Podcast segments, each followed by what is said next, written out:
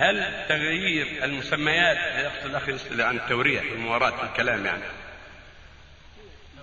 توريح يعني غير صريح يعني كان كذب أو احتقار دون.